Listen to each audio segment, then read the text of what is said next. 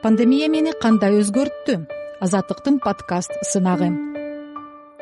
Таң атпай да whatsapp түштө да кечинде да whatsapp.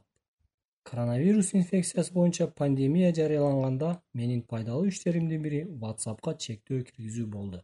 Саламатсыздарбы? Мен кайрат искендеров кырк беш жаштамын. Жалал абад облусунун сузак районуна караштуу барпы айылында жашаймын. Билимим жогорку кесибим ветеринардык врач биз жашаган сузак районуна жыйырма бешинчи марттан тарта карантиндик абал жарыяланды. Ошол мезгилде мен жумушка барган жокмун. Whatsappка баш бакпай кыйла убактымды сарамжалдуу пайдалангандыгым жөнүндө айткым келип турат. Whatsappта калган кайран өмүр. Дээрлик көпчүлүгүбүз эле сенсордук телефон көтөрөбүз. Анда whatsapp facebook instagram одноклассники жана башка соц тармактар бар шартка байланыштуу карантинде мектеп окуучуларына онлайн системасында сабак өтүлүп баштады. Экинчи класстагы кызым сабактары үчүн колдонсун деп өзүмдүн телефонумду ага беришке туура келди. Телефонум аркылуу ар кандай whatsapp facebooктогу жамааттарда катталган болчумун. Биринчиден ал телефонго окуучу кызыма группалардан жора жолдоштордон жазып тоскоол болбойт. Экинчиден кызымдан телефонду талашканым туура эмес болуп калат экен. Ошого байланыштуу андагы тааныш билиштерге группадан чыгып турайын. Мобилдик телефонумду кызым сабактары үчүн колдонбой болду деп кат жөнөттүм. Кээси унчукпады кээси макулдугун берди. Эң негизгиси мага эч ким капа болгон жок. Мен өзүм үчүн керек экендигимди ошондо билдим. Ошол мүнөттөн тартып чыныгы жыргал башталды. Мен буга чейин убакыт меники жашоо өзүмдүк экенин билсем да күнүмдүн көпчүлүк алтындай сааттарын соц тармактардан келген ар түрдүү жеңил желпи адамды алаксытчу азыркы технологиялардын тили менен айтканда хайптарга хиттерге майда чүйдө күнүмдүк скетчтерге коротуп жүрө бериптирмин. Көрсө убакытты жалаң өзүңө жана үй бүлөңө пайдалансаң бул деген накта бактылуулук турбайбы. Твдан айрыкча коронавирус жөнүндө аба ырайы негизги жаңылыктарды бир сыйра көрүп гана койбосом калган бош убактымды баарын өзүм билгендей тоскоолдуксуз башкардым whatsappтагы группалардагы бирөөгө жооп берем деп дискуссияларга кошулуп талашып тартышып эч ким менен кызыл чеке болбодум. Лайк баспай койдуң деп бирөөсүн таарынтпадым эркин болуп калдым да өзүмдү кантип руханий байытыштын миң түрлөрүн ойлой баштадым. Китеп окуйм сүрөт тартам искусство жанрлары менен таанышам деп чечтим. Биягымды карасам текст текчетоло китептер кыргыз орус англис француз адабияттары тиягымды карасам компьютердеги электрондук китептер. Интернетте биздин kg окума kg жана башка сайттардан жакшы чыгармаларды тапсаң болот. Окуган китептерим жөнүндө биринчи подкастымда айтып өткөнмүн азаттык сайтында.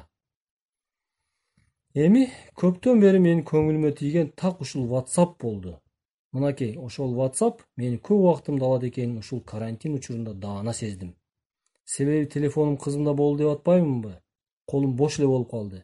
Окудум издендим искусство менен тааныштым тамак ишкени чыгыңыз деп балдарым чакырышат. Махабат деген экинчи класста окуган ширин кызым бар. Ошол ата тамак муздады го ии чыкпайсызбы? дейт. Кокуй ботом мына кызым кызыгып кетип тамакты унута түшкөн турмаймынбы? деп дасторконго отуруп калам таң эрте туруп жумушка шашып бушуп жөнөөрдөн башталат whatsappтын симфониялары. Салам айтып атканы бар ыр жана видео жөнөтүп текст жиберип атканы бар ал нерселер го эми маанайда ачканы жакшы деңизчи? Анткени менен ошол эле адамдардан ар түрдүү коркунучтуу көңүлдү ренжиткен окуяларды жөнөткөнү начар иш аракет деп эсептейм. Бирөөнү ур токмокко алып аткан бирөөсү алдап тоноп жаткан видеолор айтор мааниси да пайдасы да жок. Эми whatsappты жаман дегенден алысмын анын кереги да тиет. Бирөөгө чалсаң албай койсо whatsappына жазып же сүйлөп коесуң. Бирөөгө документ же фото сүрөт жөнөтсөң болот. Жакшы жерлери бар деңизчи? Бирок. Бирөөдөн келген кабар экинчи үчүнчү тааныштардан деле келе берет. Тажайсың. Телефондун эси флеш картасы толуп кала берет. Аны тазалай бересиң тола берет. Тазалаганга да убакыт нерв кетет телефонго келген фейк маалыматтарды дагы башкаларга таратып туура эмес жасап жатканыбызды билсек дурус болор эле. Жалган ушактарга ишенгени бар ишенбегени бар. Туура эмес маалымат тескери жагына ооп кеткени чатак. Бөлүшө коюп жалган чатка конобуз тарата коюп балээге да калып жатабыз. Элдин түшүнүгүнө маанайына терс таасир эте турган жаңылыш же атайын бурмаланган маалыматтарды тараткандар жоопко тартылышы керек деп белгилүү публицист агабыз жолдош турдубаев карантин салынган жыйырма бешинчи март күнү азаттыкка жазган экен. Туура айтылган. Учурдан пайдаланып айта кетейин турдубаевдин блогдорун көп окуймун. Дээрине жеткире саймедиреп жакшы макалаларды жазат. Агайды сыйлайм фактыны ишенимдүү каналдардан билип туруп андан соң ошого жараша жол кармаш керек. Мисалы интернеттен факт чек деген кыргызча сайт бар окуяны туура же туура эместигин бизден билип алса болот дешет сайт ээлери. Ошентип whatsapp классикага айланды. Бир жолу тааныш группамдан бир досум видео жиберип коюптур. Бир айылдагы айылына чөйрөнү кыскача тартып. Ушундай нерселерди тартып жөнөтө берсек анда кандай болот? Андан көрөкчө пайдалуу бирдемке кылбайлыбы дей коюп аны капа кылып алдым. Досума да бирөөдөн келиптир ал видео менин айылым жөнөтсөм эмне болуптур жаман видео көрүнүп жатабы көзүңө? деди. Популярдуу whatsapp биздин жашообузда убакытты жөн эле алып койчу тир укмушка айланды. Аны керектүү учурда гана пайдаланганды үйрөнүшүбүз керек да.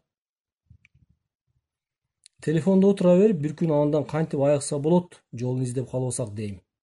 Антиватсаптык дарылоо дегенди издеп оор болбосо экен жаңы компьютердик технологиялар чыккан сайын алардын зыяндуу да жактары болорун эске сала жүрүшүбүз зарыл. Компьютерозависимость деген өнөкөт эчак эле пайда болгондугун дарыгерлер айтып эле жатышпайбы? Компьютердин нуру ден соолукка зыяндуулугун аңдаш өзүбүз үчүн эле пайда болмок. Эх ватсапта калган кайран өмүр. Мындан ары мен ошол тааныштардын телефонун толтура бербестен жөн эле түз чалып сурап турамын ватсаптан чыгып кеткеним алардан биротоло кол үзүп коюу эмес да. Алыкул осмоновдун ыр саптары ватсаптын чыр саптарынан миң эсе жогору эмеспи. Кеңеш жусуповдун эсселери бүгүнкү ватсаптын жеңил нерселеринен алда канча баалуу эмеспи. Атай огонбаевдин обондору whatsappтын тир укмуш аудио видеолорунан алда канча таттуу эмеспи. Саламат садыкованын комуз күүлөрү whatsapp хайптарынан алда канча назик эмеспи айта берсек кыргыз шедеври көп айта берсек кыргыз керемети көп дүйнө классикасы көп. Мен карантинде соц тармактан алыстап өзүмө жана үй бүлөмө жакындадым. Сиз да ошентиңиз. Убактыңызды whatsappка көп кетирбеңиз дейт элем. Бар болуңуз. Кайрат искендеров барпы айылы. Пандемия мени кандай өзгөрттү? Азаттыктын подкаст сынагы